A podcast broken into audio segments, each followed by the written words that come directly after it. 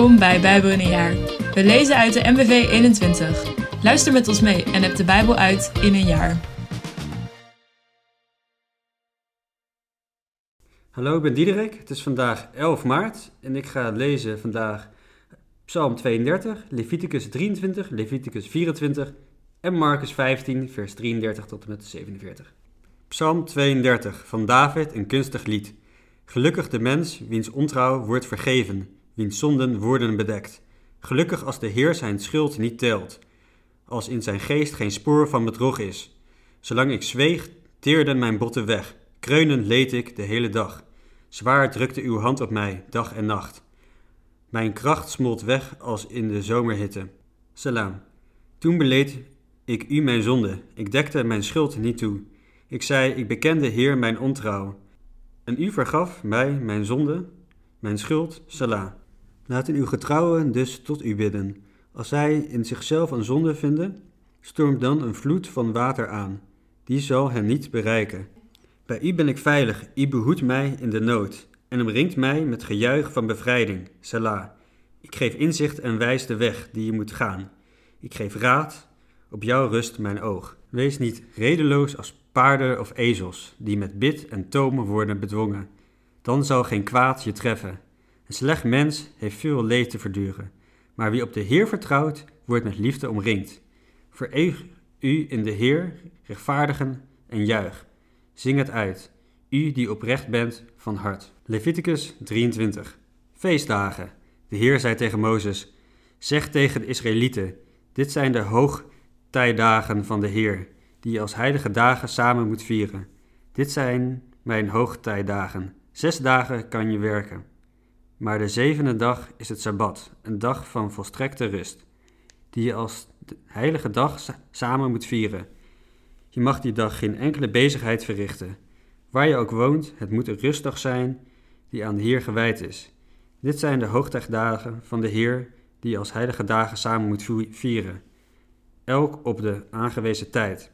Op de veertiende dag van de eerste maand wordt ter ere van de Heer het Pesachoffer bereid, in de avondschemer. En op de vijftiende dag van die maand begint ter ere van de Heer het feest van het ongedecemde brood.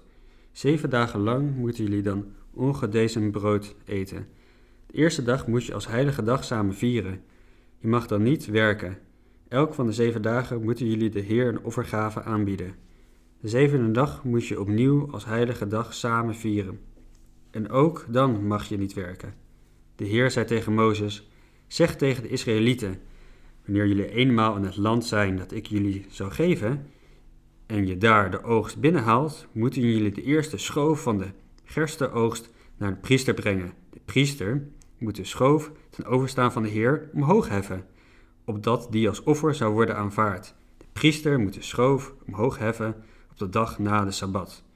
Op de dag dat de schoof wordt aangeboden, moeten jullie ook een eenjarige ram zonder enig gebrek als brandoffer aan de Heer opdragen. Met het bijbehorende graanoffer van twee tiende eva tarwebloem vermengd met olijfolie als een geurige gave die de Heer behaagt. En bijbehorende wijnoffer van een kwart hin wijn. Tot op de dag dat deze gave aan jullie God is gebracht, mag je geen brood geroosterd graan of vers graan eten. Deze bepaling blijft voor jullie voor altijd van kracht, generatie na generatie, waar je ook woont. Vanaf die dag na de Sabbat, vanaf de dag dat de schoof omhoog geheven is, moeten zeven volle weken worden afgeteld, tot de dag na de zevende Sabbat. Vijftig dagen moeten jullie aftellen, en dan moeten jullie de Heer een graanoffer aanbieden uit de nieuwe tarweoogst.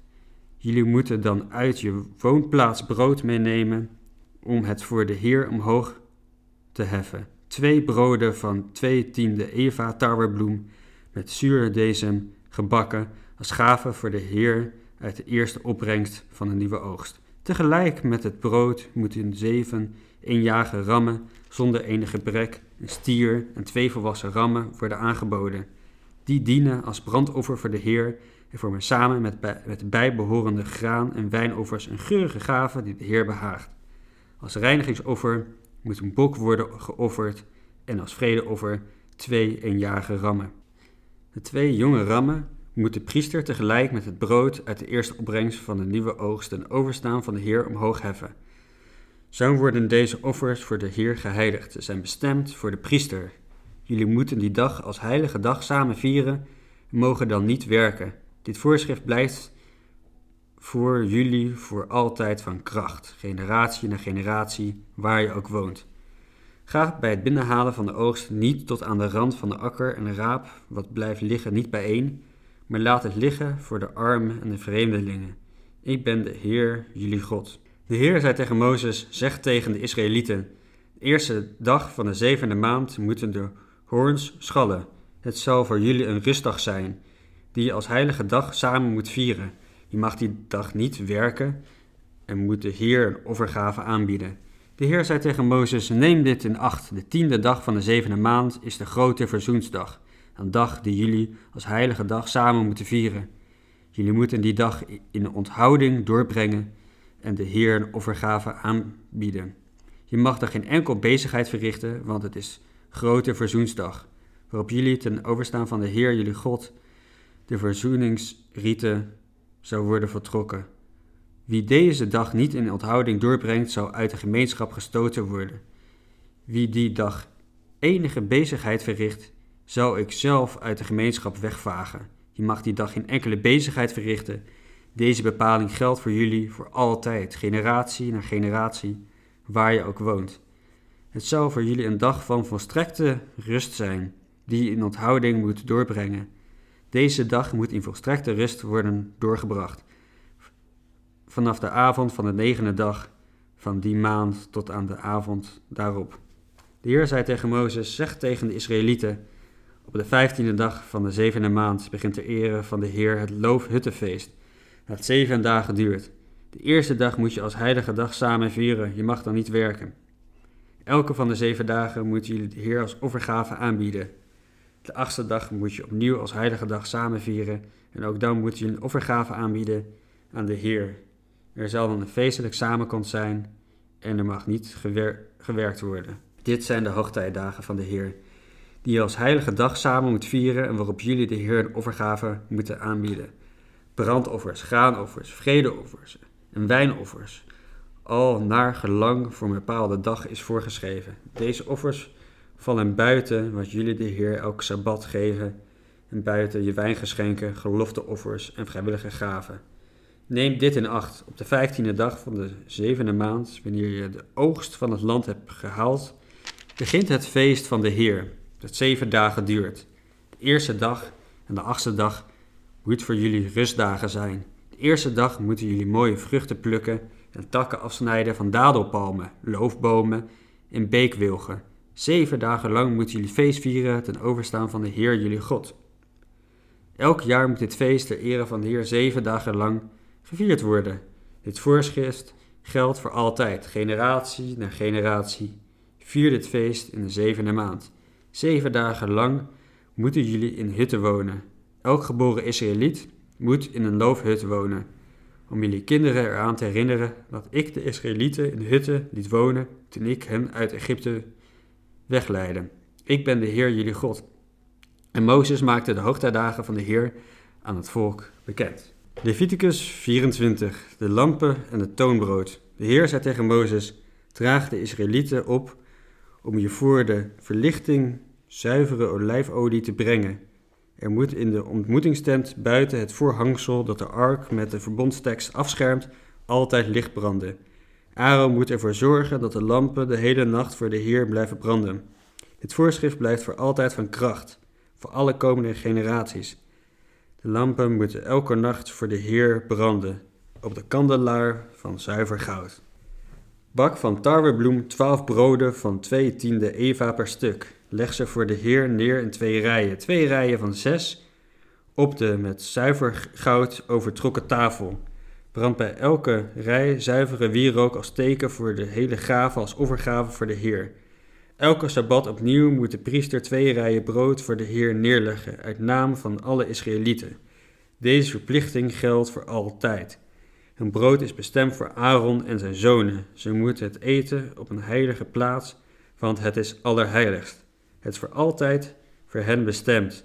als een aandeel in de offergave voor de Heer. Eén wet voor vreemdelingen en Israëlieten.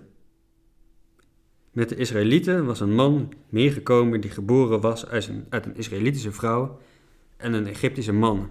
Toen deze man op zekere dag slaags raakte met een Israëliet en een vloek uitsprak, waarin hij Gods naam lasterde, werd hij aan Mozes voorgeleid. Zijn moeder heette Selomit. Ze was een dochter van Dibri en behoorde tot de stam Dan. De man werd in voorlopige hechtenis genomen tot een uitspraak van de Heer uitsluitsel zou geven over wat er moest gebeuren. En de Heer zei tegen Mozes: Breng degene die gevloekt heeft buiten het kamp. Allen die het gehoord hebben, moeten hun hand op zijn hoofd leggen en hij moet door de voltallige gemeenschap gestenigd worden. En tegen de Israëlieten moet je zeggen: Wie zijn God vervloekt, zal de gevolgen van zijn zonde dragen. Wie de naam van de Heer lastert, moet er doodgebracht worden. Die moet door de voltallige gemeenschap worden gestenigd. Of het nu een vreemdeling is of een geboren Israëliet, wie, wie mijn naam lastert, moet er doodgebracht worden. Ook wie een mens doodt, moet er doodgebracht worden. Wie een dier uit andermans veestapel doodt, moet het vergoeden, een leven voor een leven. Wanneer iemand letsel toebrengt aan een ander, moet hem hetzelfde letsel worden toegebracht. Een breuk voor een breuk, een oog voor een oog, een tand voor een tand. Wat hij de ander heeft aangedaan, zou ook hem aangedaan worden. Dus wie een stuk vee doodt, moet het vergoeden, en wie een mens doodt, moet er doodgebracht worden. Vreemdelingen en geboren Israëlieten moeten volgens dezelfde norm worden berecht. Ik ben de Heer jullie God. Nadat Mozes dit tegen de Israëlieten had gezegd, werd de godslasteraar buiten het kamp gebracht en gestenigd. Zo voerden de Israëlieten uit wat de Heer Mozes had opgedragen. Marcus 15, vers 33 tot en met 47. Op het middaguur viel er duisternis over het hele land, die drie uur aanhield. Aan het einde daarvan, in het negende uur, riep Jezus met luide stem: Eloi, Eloi, lema sabachthani, wat in onze taal betekent: Mijn God, mijn God, waarom hebt u mij verlaten? Toen de omstanders dat hoorden, zeiden enkele van hen: Hoor, hij roept om Elia. Iemand ging snel een spons halen, dompelde die in een water met azijn, stak de spons op een stok en probeerde hem te laten drinken, terwijl hij zei: Laten we nu maar eens zien of Elia komt om hem eraf te halen. Nadat Jezus luid geroepen had, blies hij de laatste adem uit. En het voorhangsel van de tempel scheurde van boven tot onder in tweeën. Toen de centurio, die recht tegenover hem stond, hem zo zijn laatste adem zag uitblazen, zei hij: Werkelijk, deze mens was Gods zoon. Graflegging. Van een afstand stonden ook vrouwen toe te kijken, onder wie Maria van Magdala en Maria, de moeder van Jacobus de jongere en van Jozes en Salomo. Zij waren Jezus gevolgd en hadden hem gediend toen hij in Galilea verbleef. Zo stonden er nog veel meer vrouwen die met hem waren meegereisd naar Jeruzalem. Toen de avond al gevallen was, het was de voorbereidingsdag, dat wil zeggen de dag voor de Sabbat, kwam Jozef van Arimathea, een vooraanstaand raadsheer die zelf ook de komst van het koninkrijk van God verwachtte. Hij raapte al zijn moed bijeen en ging naar Pilatus, die hij om het lichaam van Jezus vroeg. Het bevreemde Pilatus dat hij al dood zou zijn, en hij riep de centurio bij zich, aan wie hij vroeg of Jezus al gestorven was.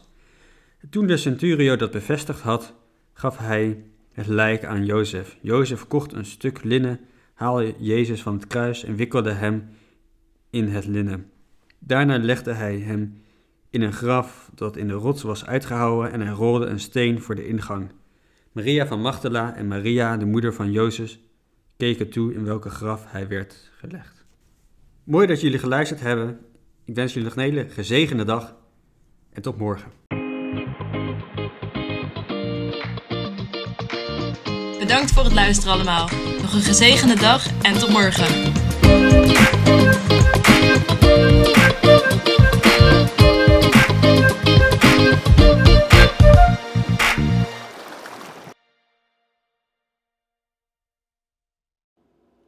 Met dank aan het Nederlands-Vlaams Bijbelgenootschap voor het gebruik van de MBV 21.